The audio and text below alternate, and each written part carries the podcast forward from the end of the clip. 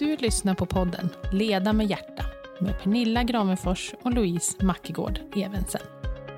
Vår passion det är att leda andra, leda företag och framför allt att leda med hjärtat. I dagens avsnitt så ska vi prata om vad vi tycker är grunden till ledarskap, nämligen förtroende.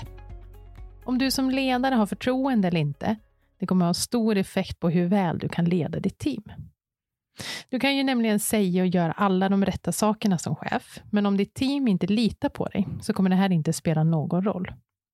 De kommer inte lita på ditt ord eller göra dig några tjänster, för de tror helt enkelt inte på det som kommer ur din mun. Och vi brukar prata om någonting som vi kallar för ledarskapsvaluta när det kommer till förtroende. Och vi tror att det är det här som avgör din effektivitet eller ineffektivitet i dina relationer. Pernilla, vad menar vi med det här ledarskapsvaluta? Vad, vad är det för dig? För mig så är ledarskapsvaluta förtroendekapital kan man säga. Och det här kapitalet får man att växa genom att bygga nära relationer på riktigt med sina medarbetare. Och bästa sättet att göra det, det är att verkligen intressera sig för vad som får varje individ att må bra och vilket ledarskap som fungerar för varje enskild individ i teamet. Tänk att du sparar i aktier. Då behöver du sätta in nytt kapital löpande för att få bästa effekt. Och samma sak är det med det här kapitalet. Man bör alltså löpande sätta in på kontot hos dina medarbetare. Jag kommer ihåg en eh, ledare som ledde ett team och hon var så upprörd för att hon hade varit på fjället, hon hade ringt till en annan medarbetare och bett om att hon skulle hoppa in och ta ett pass, för hon var på fjället och hon kunde inte hoppa in. Det var någon kris alltså. Och eh, svaret då från alla hon ringde till, det var att de hade inte lust med det. Att bli inringd på kort varsel. Och det är ett exempel på att i den situationen så har inte den här personen byggt upp ett tillräckligt starkt förtroendekapital, så av någon anledning så kände de medarbetarna att de vill inte ställa upp för henne. Mm. Så att där och då så började vi jobba med processen att bygga upp hennes eh, förtroendekapital hos medarbetarna, så att de sen i kris ville verkligen ställa upp för henne. Så för mig så är att leda på riktigt att förstå att man tillsammans leder ett företag, inte som enskild individ. Om du då ska få det att hända så måste du ju verkligen skapa ett team som känner att det finns högt förtroende och respekt för var och en i teamet och kompetensen som finns hos var och en på riktigt. Att man uppskattar varandras olikheter och då måste man lära känna varandra. Mm. Annars så blir oftast olikheterna ett irritationsmoment. Ibland så görs ändå uttag från kontot om konflikter uppstår och det är helt oundvikligt för ingen är ju perfekt. Och då är det viktigt att man tar tag i det och jobbar upp förtroendet igen. Till exempel så kände min son i veckan att han hamnade i en försvarsposition i en argumentation med en av sina lärare. Och när han satt på köksbänken hemma så sa han att ah, det kändes inte bra. Han sa att hur gör man för att inte hamna i försvarsläge i en argumentation. Jag kände att jag blev upprörd liksom, mm. inuti. Och Ganska det, klassiskt. Det speglade sig liksom, i hans svar. Och då coachade jag honom och sa att ta kontakt med läraren och berätta hur du känner. Och när han hade gjort det så kom han upp igen till köket och sa Mamma, det kändes så himla bra att erkänna hur jag kände och han tog det så bra. Det känns som vi är ännu närmare varandra nu eh, när jag gjorde det. Och precis så är det mellan oss ledare och medarbetare. Att både du som ledare och medarbetare begår misstag, det händer, man hamnar i konfliktlägen. Men erkänn, förklara och ibland så behöver du kanske be om ursäkt. Det är inte farligt. Och på det här sättet så byggs en mycket bra grund. Oftast är det ju kris som man bygger ännu starkare band. Mm. Men eh, bara för att sammanfatta, de här insättningarna som vi pratade om, som man gör på det här kontot. Kan du förklara lite mer? Vad är då en insättning på ett konto? Ja, men en insättning det är ju allra först så är det ju att lära känna. Och sen när jag har lärt känna dig så vet jag ju vad du mår bra av. Mm. Vad som får dig att känna dig stark, vad som engagerar dig, vad som får din passion att växa för dina arbetsuppgifter. Och då gäller det ju att jag ger dig av det. Det kan vara att eh, verkligen uppmärksamma en viss typ av eh, sysslor som du gör, eh, framsteg som du gör, eh, ge dig återkoppling, ge dig tips beroende på vad du är för en person. Att mm. stötta dig precis där du är. Eh, men att inte ta över utan hjälpa dig att få ännu bättre förutsättningar att lyckas så du känner dig lyckad. Det är ett sätt. Mm. Och det är en väldigt tydlig insättning som man då gör för någon annans förtroende. Ja. Um, vad skulle du säga händer med ledarskapet nu i kristider? Det har ju varit ett ganska turbulent år och senaste tid för väldigt många. Vad skulle du säga händer med ledarskapet och teamet? Ja, i kristider så är det ju lätt att man hoppar över steget att leda sig själv och att leda andra och så går man på sista steget leda företaget. Man har fokus på siffror, man har fokus på uppföljning, man har inte fokus på att vara i balans själv, man har inte fokus på att få ens medarbetare att må bra för att man har sån panik över att siffrorna ser dåliga ut. Och då har man liksom fullt fokus på just det. Så det är vad jag tror händer just nu, att i den paniken så vill man gärna hoppa över de stegen. Men det är dels väldigt dåligt för dig själv, för mm. om inte du leder dig själv på ett bra sätt så får man heller inga bra förutsättningar att leda andra. Och det har vi ju pratat om i tidigare avsnitt. Ja, och det är också väldigt vanligt att man då i kristider, när det blir ledarskap på det här sättet, att det här förtroendekapitalet man har byggt upp, det rasar supersnabbt. Mm. Eller hur? Det kan gå jättesnabbt. Men du Louise, kan du dela med dig om hur du leder dina medarbetare så att de presterar bra samt mår bra. Mm. Um, grunden är precis som vi har pratat om nu, att vi har ett gemensamt förtroende för varandra. Det är ju verkligen steg ett för att kunna nå vidare. Och att mitt team litar på mig, men att också jag litar på dem. Och enda sättet tycker jag att uppnå det här, det är ju verkligen genom handling. Man kan inte göra en sak, eller säga en sak och sen göra en annan. Um, Tydliga mål och förväntningar är också en grundpelare, såklart, att vi alla vet vad vi jobbar mot. Och det är viktigt att vi sätter de här tillsammans. Och um, vårt kärnvärde som vi ofta pratar om i vårt allra första avsnitt, att vi vet varför. Varför ska vi uppnå det här och varför gör, gör jag just det här?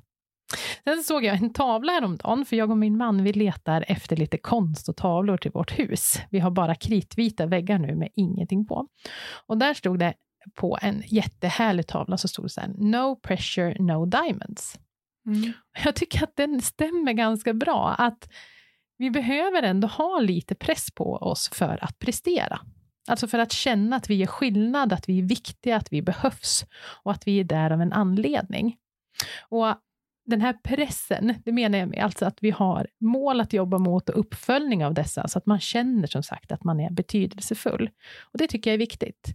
Och um, Ett måste för att kunna nå hit, det är ju att verkligen lära känna sina medarbetare, som vi har pratat om.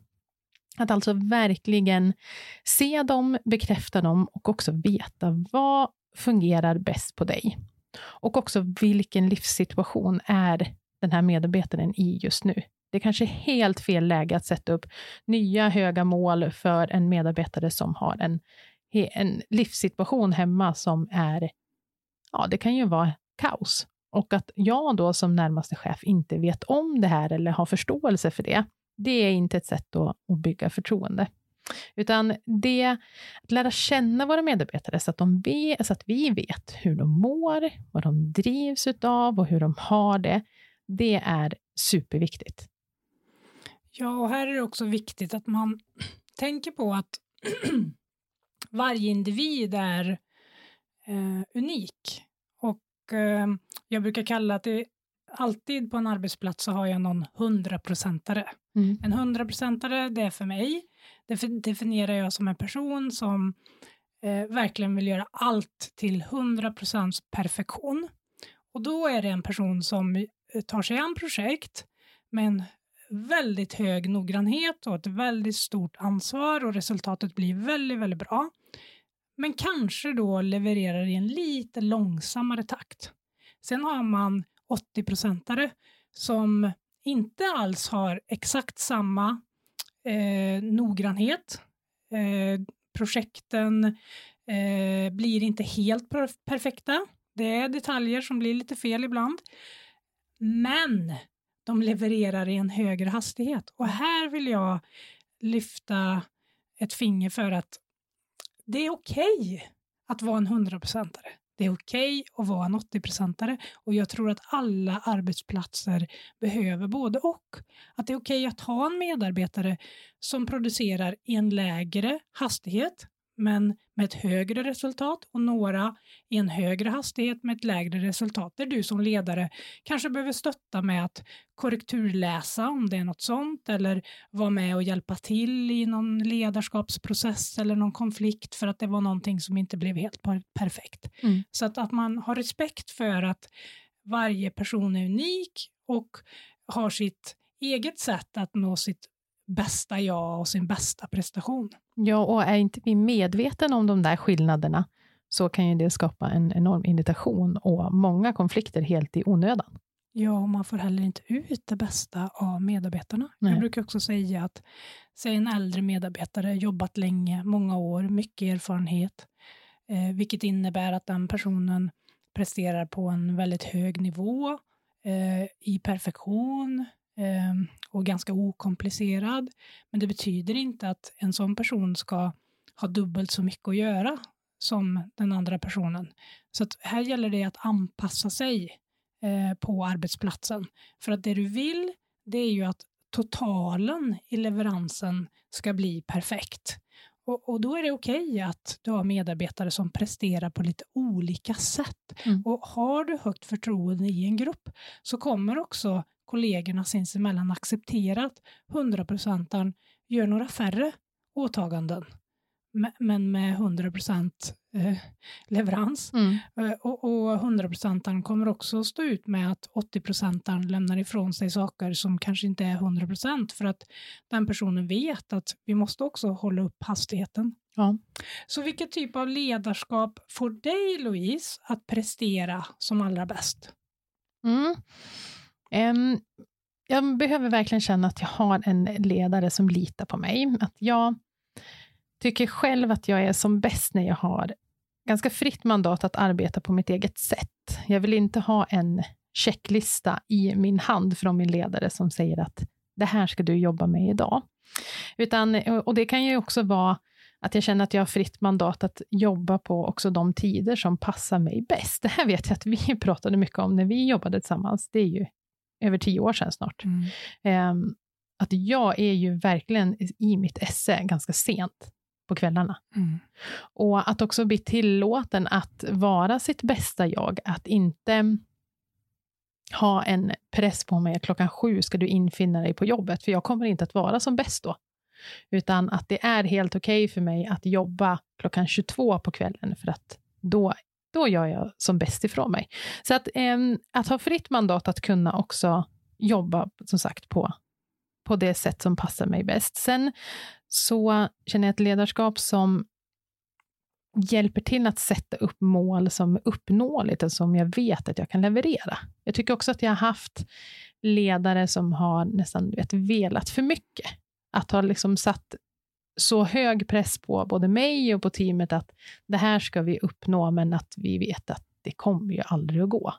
Och det, det trivs jag inte med. Um, den här klassiska, du vet, bli kontrollerad, hämmade mina idéer och inte få testa nya saker då, och arbetssätt, då, då fungerar inte jag. Sen är jag också väldigt värderingsstyrd, så jag tycker att en ledare som har både koll på mina grundvärderingar och som delar samma värderingar som mig är väldigt viktigt. Alltså att jag har ett ledarskap som tycker att det är viktigt att vi tar hand om våra medarbetare. Det är verkligen A och O för mig.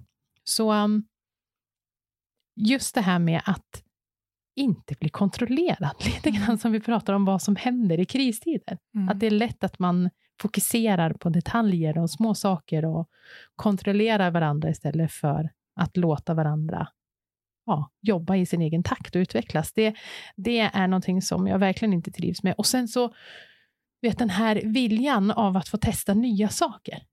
Det är så viktigt för mig och särskilt i processer och i arbetssätt. Så att ha en ledare som litar på att vi jobbar fram de bästa metoderna för just den här situationen och den här gruppen. Det tycker jag är jätteviktigt.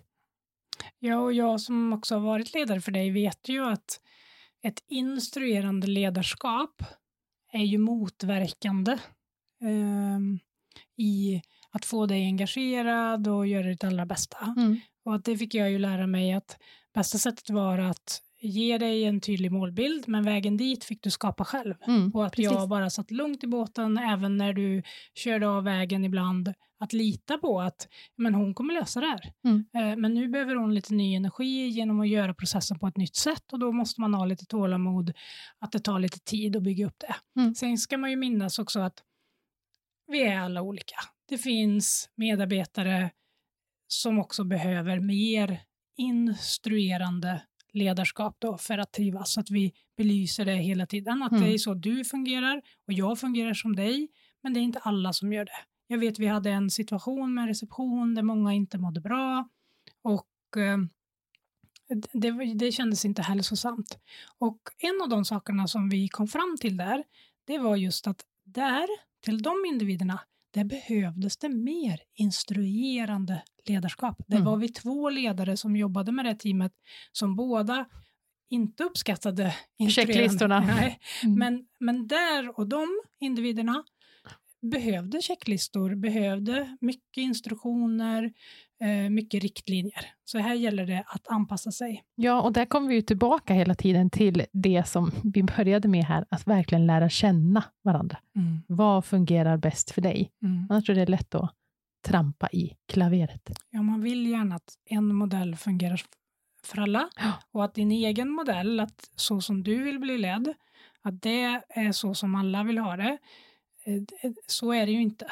Men jag kan säga erkänna att som ledare så instinktivt så leder jag andra så som jag själv vill bli ledd. Mm. Men genom att lära känna teamet över en tid så lär jag mig, är det någon av de här som inte vill ha det så?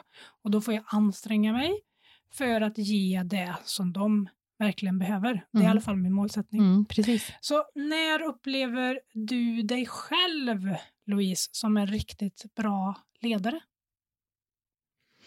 Ja, vilken bra fråga. Jag eh, tycker att när gänget omkring mig mår bra och levererar till max, då kan jag känna att det här gjorde vi bra tillsammans.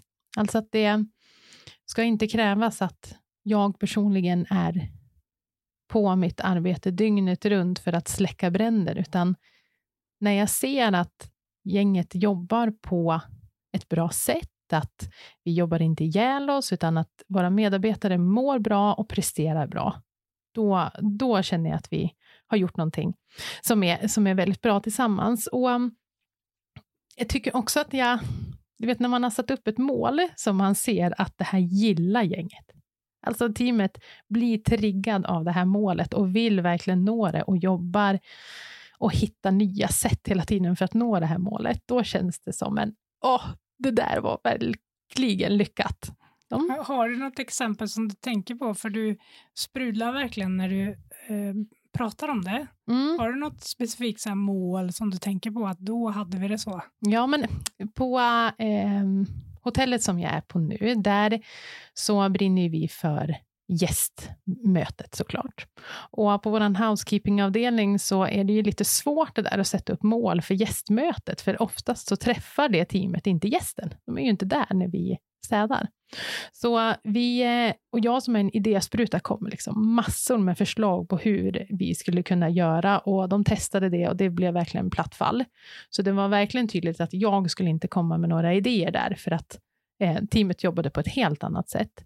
Så jag tyckte det var så häftigt när, när vi gjorde ett, eh, ja men vi tog ett litet eh, möte och bara gick runt på terrassen ute på hotellet. Alltså vi gjorde det inte krångligare än så. Där de själva fick spåna på hur skulle ni kunna påverka gästmötet? Och de hittade olika sätt för hur de skulle kunna nå det här på, på liksom Jag kunde inte ens lista ut det för fem öre och det var det som gav effekt. Alltså allt ifrån den där lilla eh, lappen de satte på nallebjörnen vi la på sängen, eller ett mål om att jag ska aktivt leta upp gäster i korridoren. Minst, minst fem hej om dagen ska jag göra varje person. Och Det var deras egna förslag. Det kan ju låta jättebanalt, men, men det var liksom deras egna förslag och det var det som gjorde skillnad. Så mysigt. Mm.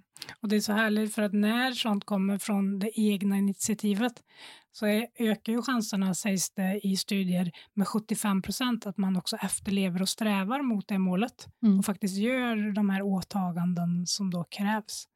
Um. Ja, och för min egen del där så man ska säga vad, vad jag känner mig som en bra ledare då, om man ska uttrycka sig så, det är ju att jag tillät dem att ta den tiden, att också hitta själva, vad tycker ni är det bästa alternativet? Att inte stressa fram det, utan att eh, vi tog det i en takt som de själva kunde komma på saker, för det, var in, det tog ganska lång tid innan de här idéerna sprutade ut och vad som gav effekt. Så just att det tar tid. Mm.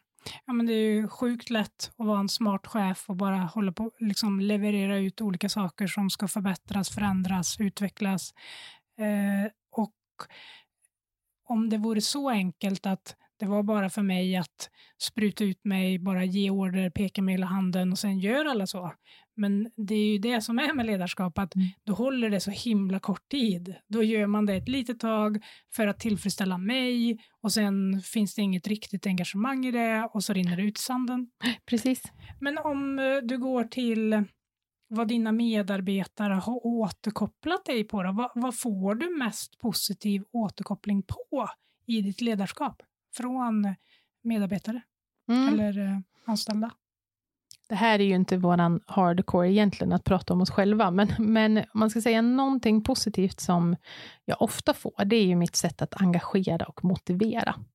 Och um, i det team som jag leder idag så har vi påbörjat en process där vi ska identifiera vår enskilda, kan man säga, ledarskapsfilosofi.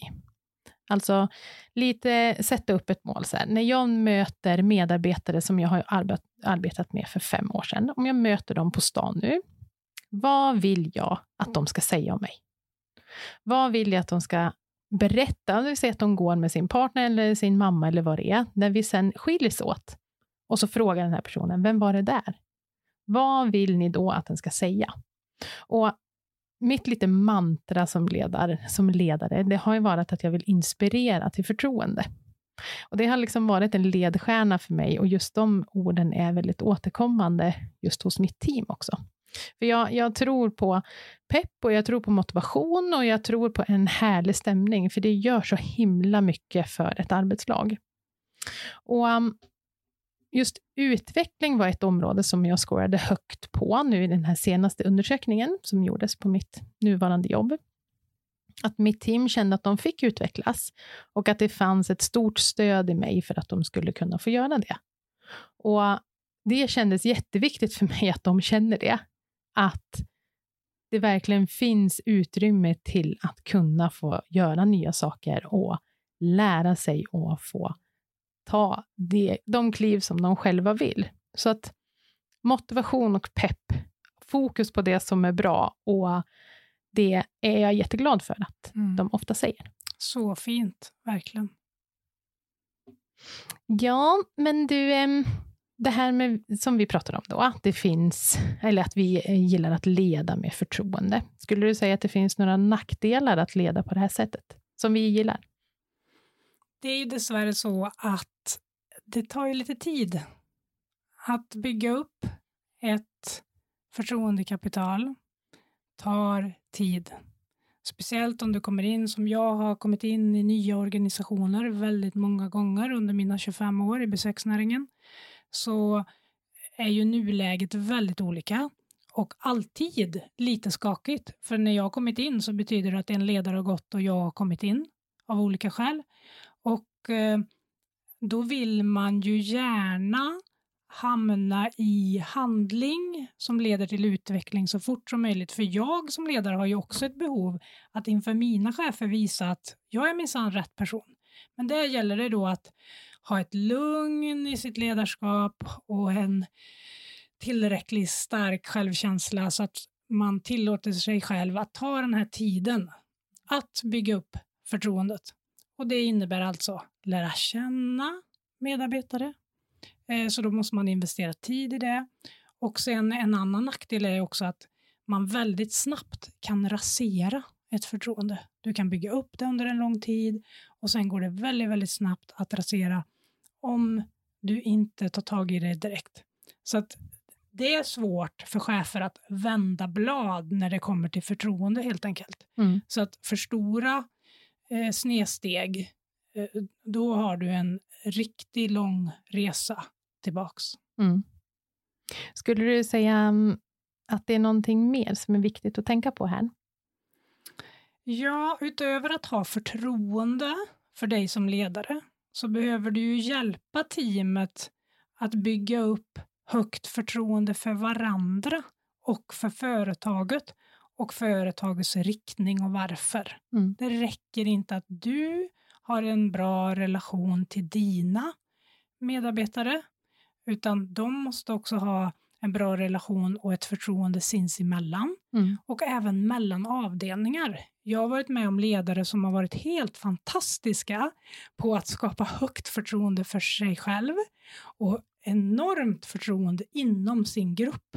Så att det har varit supertajt och leveransen har varit 100% kanske 110% Men på bekostnad av att de inte då, de har tyckt att de har varit så himla duktiga så de har gjort det på bekostnad av att de inte haft förtroende för övriga avdelningar och även kanske då haft eh, ett eh, lägre förtroende för företagets riktning och varför och ledningen som man kan höra ibland. Liksom. Mm. Eh, Så att eh, det gäller det att eh, man jobbar även med det och har ögonen på det. Mm, verkligen. Men du, em, dina egna erfarenheter kring det här och hur skulle du på bästa sätt vilja bli ledd? Ja, men när jag leds med högt förtroende och stor frihet så får jag en väldigt stark inre drivkraft.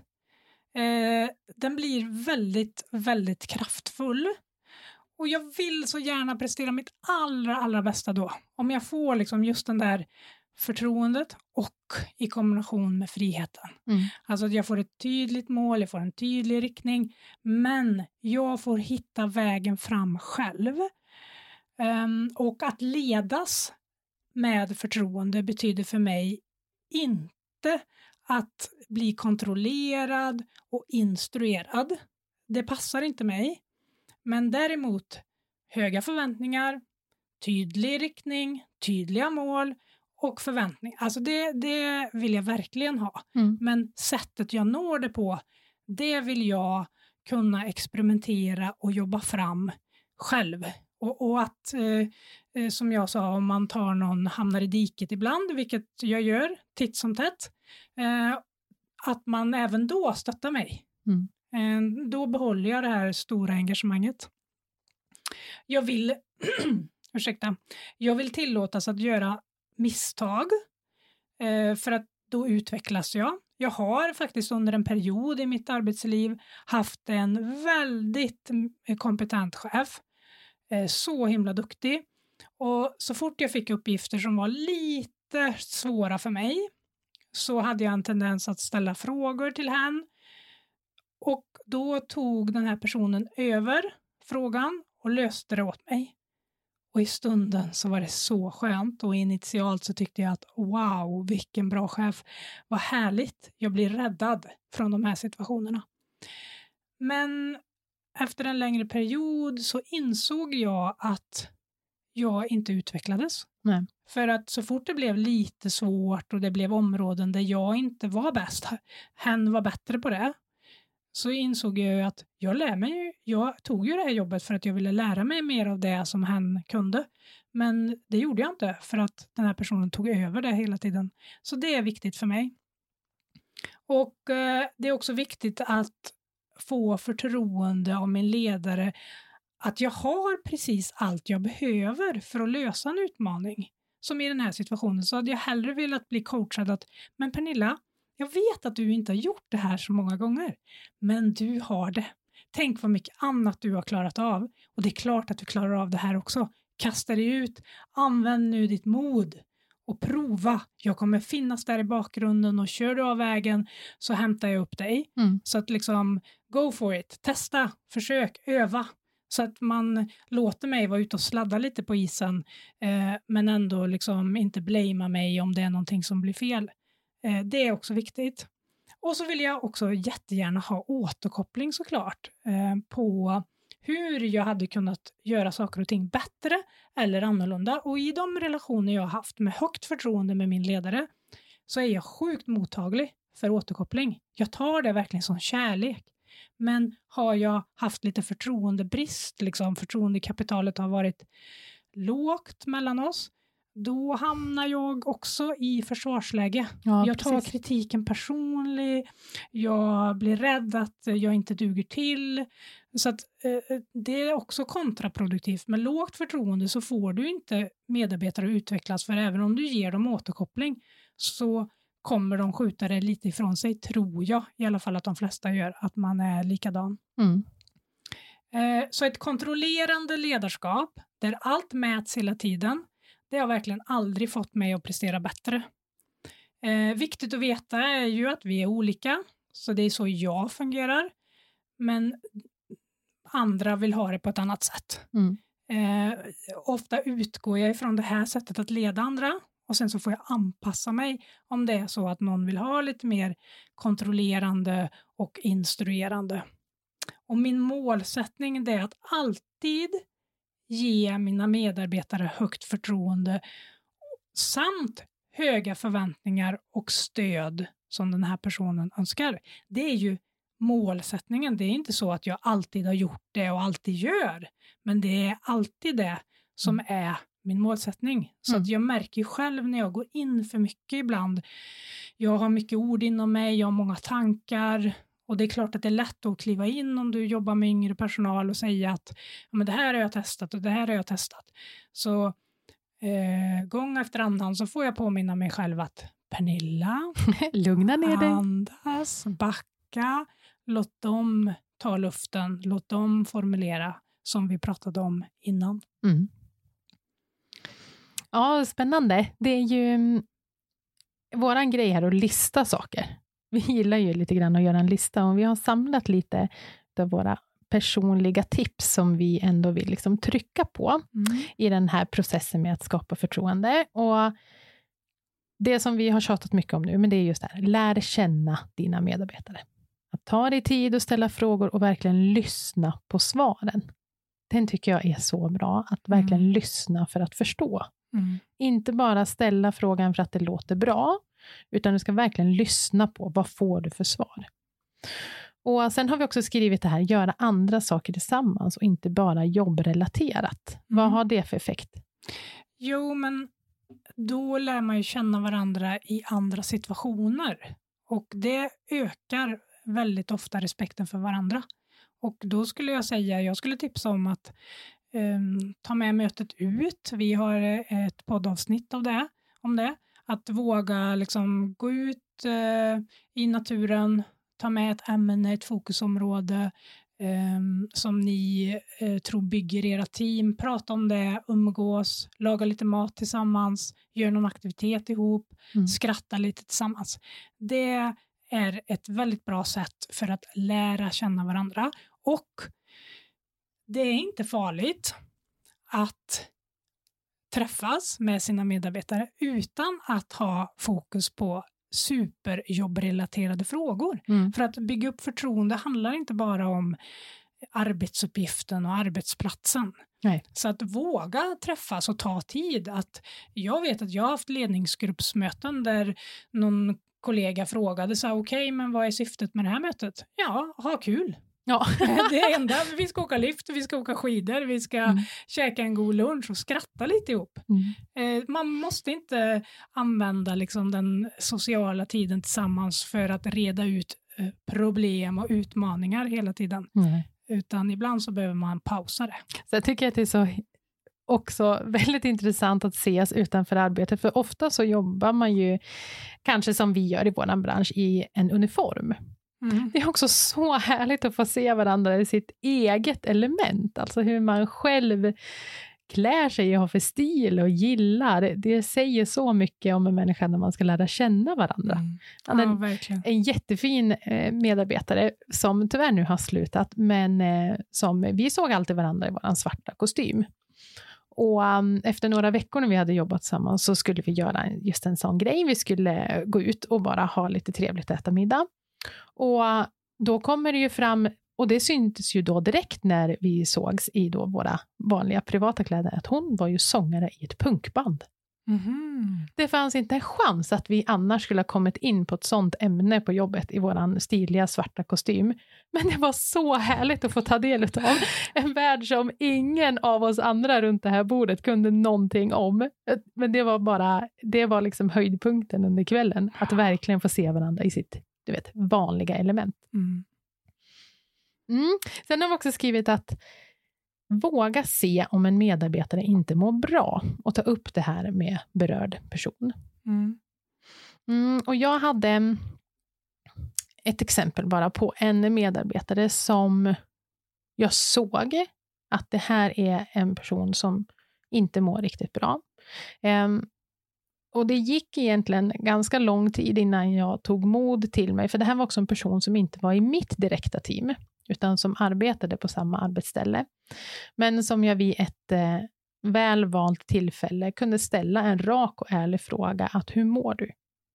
Jag upplever att jag ser på dig att du inte mår bra.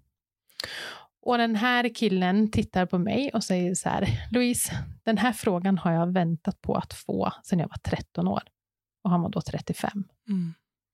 Och liksom, utan att gå in på detaljer om hur, eh, hur han mådde, men det var ett av mina absolut starkaste samtal som vi hade under eh, den där tid, två timmarna som vi satt och bara pratade om livet. Och just det här att han säger att jag har väntat på att någon ska fråga. Mm. För det, 13 år.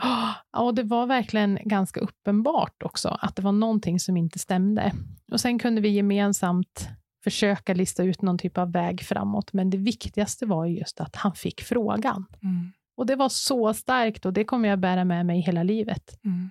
Jag kommer också ihåg, jag tror vi har tagit upp det innan, men en kille som inte var mer än 21 år, som du och jag identifierat, han var faktiskt alkoholiserad. Mm. Hade allvarliga alkoholproblem redan som 21-åring.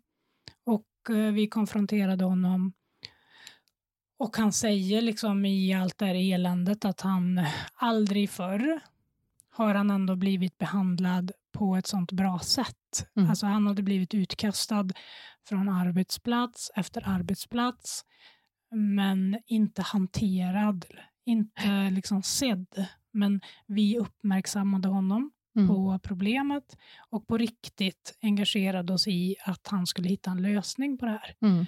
Eh, så att, um... ja, och det är ju någonting som bygger förtroende, inte bara för den personen i sig, utan också för hela teamet. För oftast är ju det här inte någonting nytt för medarbetarna runt omkring, utan de ser det här. Mm. Så det bygger ett förtroende av att vi är ledare som vågar ställa frågan och vågar ta tag i det. Ja, och jag tycker att det hänger ihop väldigt mycket med eh, en av våra punkter här som vi har på listan som heter Ta tag i gäddorna på mm. din arbetsplats. För det är just det att um, nu pratade vi först om någon som inte mår bra, men uh, det får också den effekten att omgivningen runt omkring ser att vi bryr oss. Även om det är någon, någon som inte mår bra så bryr vi oss. Och om det är någon gädda. Vi har ju pratat om det i podden innan. Eh, men, och, och, du kanske ska berätta först, eh, Louise, vad är en gädda? Ja, det här är ett uttryck som vi har myntat eh, genom våra år tillsammans. Men det är en person som ofta presterar väldigt bra på arbetsplatsen. Som är högpresterande och som gör alla de rätta sakerna, men som ofta orsakar att andra medarbetare inte mår bra. Mm. Som är lite syrliga i sina kommentarer, inte bidrar till den här härliga stämningen, utan ja, den här personen som kommer in på jobbet och alla kan känna så här, oh, det är en sån här dag. Så det är en medarbetare som vi kallar för en gädda. Mm. Och det bygger jättemycket förtroende i en organisation om man tar upp det. För att ja, personen som du säger presterar ju väldigt bra. Mm. Så att kan egentligen komma undan i väldigt många år. Men det är i attityd och värderingsgrund som problemet sitter, inte i handlingen. Nej. Att man verkligen står för värderingarna i företaget. Att um, det här um, det du gör är perfekt, men sättet du gör det på och attityden du har, eh, den, den har vi inte här Nej. i det här företaget. Så att man visar det och genom att synliggöra det och ta tag i det så sprider det sig till andra runt omkring. Jag kommer ihåg vi hade en terapeut som var helt fantastisk, levererade superbra, han fick så bra feedback från våra kunder, men han var helt asocial med oss utanför behandlingsrummet. Han satt i personalmatsalen med lurar, pratade inte med någon, gick med sänkt huvud och eh, du och jag konfronterade honom och sa att det här känns tråkigt. Det känns som att vi vill att när vi sitter och äter lunch så pratar vi med varandra och vi socialiserar och vi hälsar på varandra, för han hälsade inte när han kom på morgonen. Och då tyckte han att ja, men det ingår inte i hans jobb. Liksom. Och han sa till oss att ja, men jag får jättebra feedback, jag är ju den bästa terapeuten här. Ja, fast det räcker inte. Nej. Du, du måste också vara en bra medarbetare, inte bara bra mot gäst. Ehm, Mm. Så eh, det är jätteviktigt. Ja, verkligen. Och förtroendet byggs där genom att vi är handlingskraftiga och verkligen tar tag i det. Mm. Vi har också en punkt som är ta extra hand om dina medarbetare i motgång för företaget eller individen eller om något misstag har begåtts. Och då tycker jag att ledarskapet är så viktigt. Alltså att man står upp för sin medarbetare och, och det som har hänt och att man är ett stöd. Eh, för det är ingen som vill avsiktligt begå ett misstag eller vara i en svår situation. Utan det bästa sättet då det är att verkligen stötta. Och det är ett tillfälle då man bygger jättemycket förtroende. Och man känner att ah, min chef stöder mig även när jag inte presterar som allra bäst. Då får man ju ännu starkare driv att eh, verkligen prestera bra och utvecklas. Så Ja, det det-. Det finns ju ingen som alltid presterar på topp. Nej. Utan det, det är precis som du säger, jätteviktigt att vi också stöttar när det faktiskt går lite, lite ont för oss, för att Mm. det kommer att göra det någon gång. Mm. Mm. Vi har också skrivit ge bekräftelse och beröm för framsteg. Hur brukar du jobba med det här? Ja, men här gäller det ju att man fokuserar på givetvis de större insatserna. Det är ganska enkelt, för det säger sig själv. Men också de små insatserna. Eh, att man uppmärksammar det och har fokus på det. Och det du har fokus på, det växer. Mm. Jag har ett exempel, en kille som jag coachade som hade problem med sitt ledarskap. Företaget gick asbra rent ekonomiskt. Sjukt bra lönsamhet, allting var perfekt. Men han hade jättestor omsättning på sin personal. Och eh, det berodde på hans ledarskap. Och så ville han ha min hjälp. Och eh, då sa jag till honom att nu vill jag att du under de närmaste två veckorna tills vi ses nästa gång att du fokuserar på att ge minst eh, två stycken beröm med bevis varje dag till varje enskild medarbetare.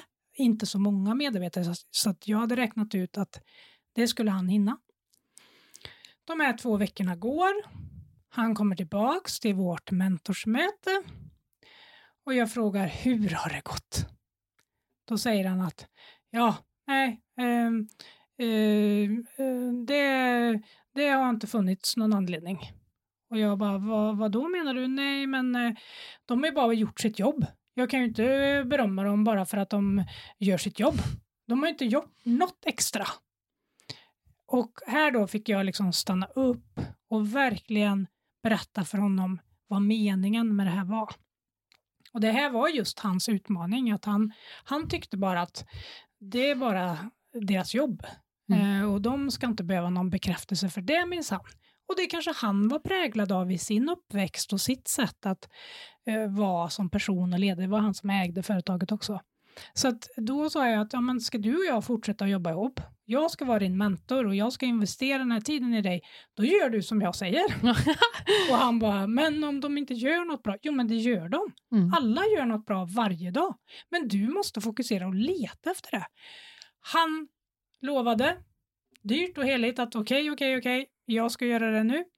Och eh, han hade en liten bok i sin ficka och så var han ju tvungen att vara nära sina medarbetare då för att verkligen höra och se och iaktta. Och, och så kom han tillbaks jätteentusiastisk och hade flera exempel då som de hade gjort och han hade då sagt det till dem och han hade en sån skön känsla av det och helt plötsligt så växte ju det här. Helt plötsligt så såg han att hans medarbetare gjorde massa bra saker. Mm. För att det du har fokus på, det växer. Mm. Och helt plötsligt istället för att ha fokus på minus hade han fokus på plus och då fick han mer av det. Han byggde ett sakta men säkert ett större förtroendekapital och nyckelpersonerna då fick han helt plötsligt behålla. Mm. För att det blev en trivsammare arbetsplats. vad härligt. Plus att, eh, jag ska bara ge ett litet tips där. Och det är lite som du sa nu med den här mannen, han hade en liten bok i fickan. Mm. Och det eh, tycker jag är någonting som har varit väldigt eh, givande för mig. Det är att jag eh, ser ganska ofta bra saker, men jag kommer kanske inte alltid ihåg det sen när jag behöver använda det. säger så. Att, eh, att bara gå runt och ge beröm kan ju ibland uppfattas som att ja, det, det ska liksom verkligen ha tyngd när man väl säger det, så att det tas på allvar. då brukar jag lite grann samla på mig bra situationer som jag sen kan använda till en medarbetare. Att vet du, jag tyckte att du hanterade den här situationen så bra och jag såg verkligen när du gjorde det här och det här. Om jag då skriver ner det någonstans och sen kan använda det i ja, men en eller två eller tre veckor senare i något samtal, då får det väldigt stor effekt, har jag upplevt. Mm. Så det kan vara ett bra tips, att skriva ner små saker som du sen kan använda. Och jag har faktiskt gjort så här att när jag har passerat en situation till exempel, där jag har sett någon göra någonting som jag verkligen uppskattar och som är våra värderingar enligt företaget, så tar jag en bild. För att den bilden får mig sen att komma ihåg. Ja, precis. Så att eh, om man är en bildperson så behöver man inte ens skriva ner, utan om du passerar receptionen eller situation någonstans på din arbetsplats, ta en bild eh, och så kan du ta till den sen när du möter den här personen och säga du, jag måste bara säga vad fint det här var. Så det är också ett tips på mm, vägen. Härligt. En, någonting som är väldigt viktigt för oss och som vi verkligen försöker att alltid ha i ryggmärgen, det är den här punkten vi har skrivit att ge aldrig kritik till en person som inte är närvarande. Här kan man ju verkligen snacka om hur man kan rasera sitt förtroendekapital som man har byggt upp. Mm. Att om jag som ledare kan uttrycka mig till någon annan medarbetare om en annan medarbetare, då finns det ingenting som säger att jag inte kan göra det även med den här personen, eller om den här personen. Så det är någonting som är superviktigt, tycker vi, att vi pratar inte om varandra, vi pratar med varandra. Och att eh, det visar ju för alla i företaget att eh, vi ska själv vara närvarande och också vara liksom en, en spelare som vill ge kritik för att det ska bli en förbättring. Alltså en feedback som vi kan jobba med och göra någonting åt, inte att vi bara pratar om varandra. Nej, och det blir också en trygghet för de som sitter i rummet, att om något sånt kommer upp, att man säger att ja, men, mm, bra inspel, men vi pausar det tills Göran är på plats, så tar vi det med honom. Han är åter nästa vecka. Mm, precis. Så då, då, kan vi ta upp det. Eh, det ger ju en trygghet till de som sitter i rummet, att då vet de att då gör man samma sak när någonting kommer upp om, om dem. Så då behöver man inte vara rädd att man missar ett möte eller ett forum och vad kommer de att prata om mig då? Eller, och det är också det här att ha ett rent spel och låta involverad personal själv få vara med och, och reda ut eh, det som eventuellt har hänt. Mm, verkligen. Vi har skrivit en punkt där det står medarbetare som vill vidareutveckla sig. Att uppmuntra och ge stöd i detta. Vad menar vi med det? Ja, men dels så tycker jag att för mig så betyder det att eh, lite då och då, inte särskilt ofta, så kommer medarbetare in till mig och säger att Pernilla, jag har hittat en kurs som handlar om revenue management eller eh, som eh, personlig tränare. Jag skulle så gärna vilja utbilda mig till personlig tränare eller jag skulle så gärna vilja förbättra mitt revenue-arbete och gå den här kursen. Och då är det lätt att man tittar på rättvisepatos, att jaha, men det är ingen annan som har fått någon utbildning och, och så vidare. Men där vill jag uppmuntra företag att de individer som tar kontakt med dig, som tar ett eget initiativ om att de faktiskt vill utvecklas, om ni har de medlen, låt individen göra det. Det är helt fantastiskt. Och uppmuntra det, att en individ vill göra det. Och var inte rädd, ha, ska jag investera så här mycket pengar och så slutar den här individen om tre, fyra månader. Eh, jag tycker att det är alltid värt att investera i en individ om den personen liksom har ett sånt glöd så de till och med själva kommer upp med liksom tanken om att det här vill jag investera och engagera mig i. Så, så dels det. Och sen handlar det ju också om att om du har individer som är jätteduktiga som då också får möjlighet att utvecklas utanför dina väggar. Att du hanterar det på ett bra sätt och uppmuntrar det och hellre blir stolt. Vi mm. har ju exempel från... Ganska tydligt ja, exempel. På vår gemensamma arbetsplats att vi hade en restaurang då där vi tog in duktig personal som vi då lärde upp och eh, ganska ofta de bästa som vi odlade fram var hamnade de? Jo, de blev headhuntade till Fäviken. Magnus plockade dem till sin fin restaurang som var känd över hela världen. Mm.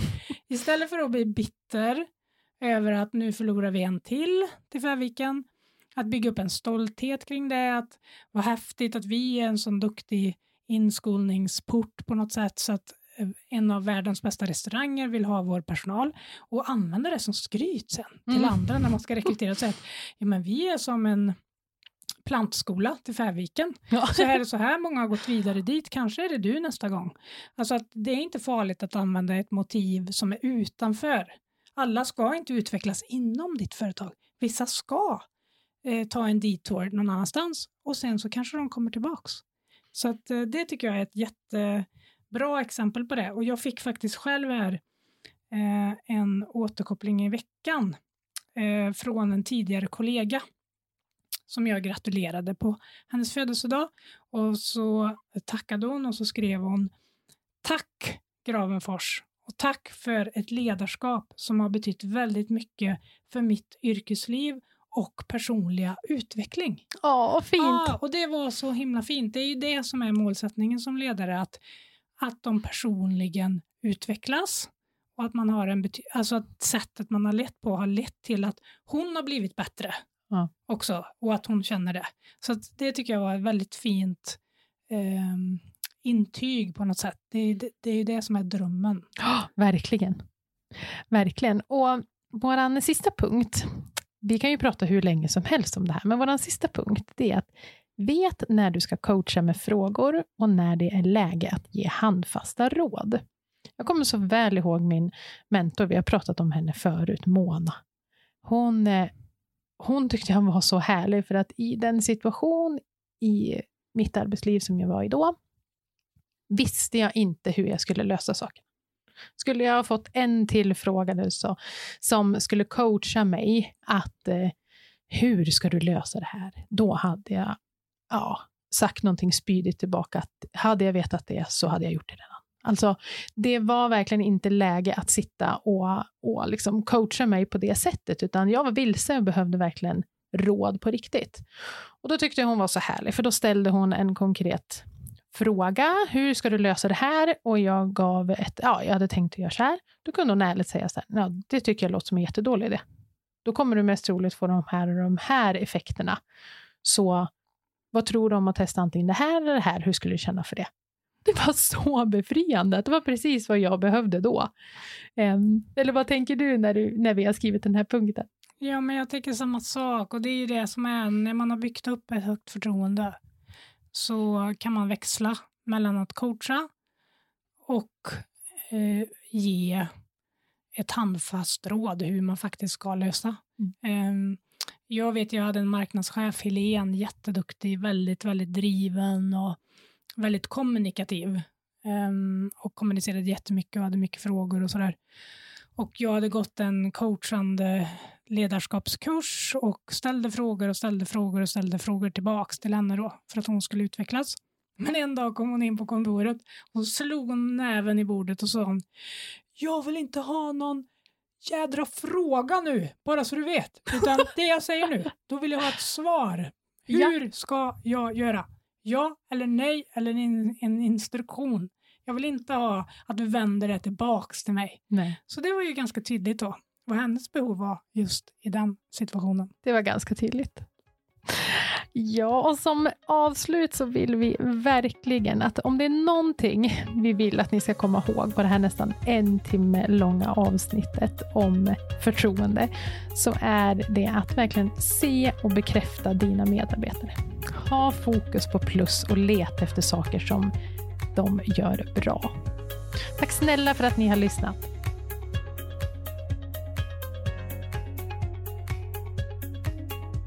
I vår podd så vill vi gärna inspirera andra att leda med hjärtat. Genom att dela med oss av vår vardag som ledare så är vår förhoppning att underlätta er vardag som ledare. Följ oss gärna på Instagram, Leda med hjärta. Signa upp på vårt nyhetsbrev och hör gärna av er till oss med vilka ämnen som ni vill höra mer om. Och mer information hittar ni på ledamedhjärta.se. Tack snälla för att ni har lyssnat.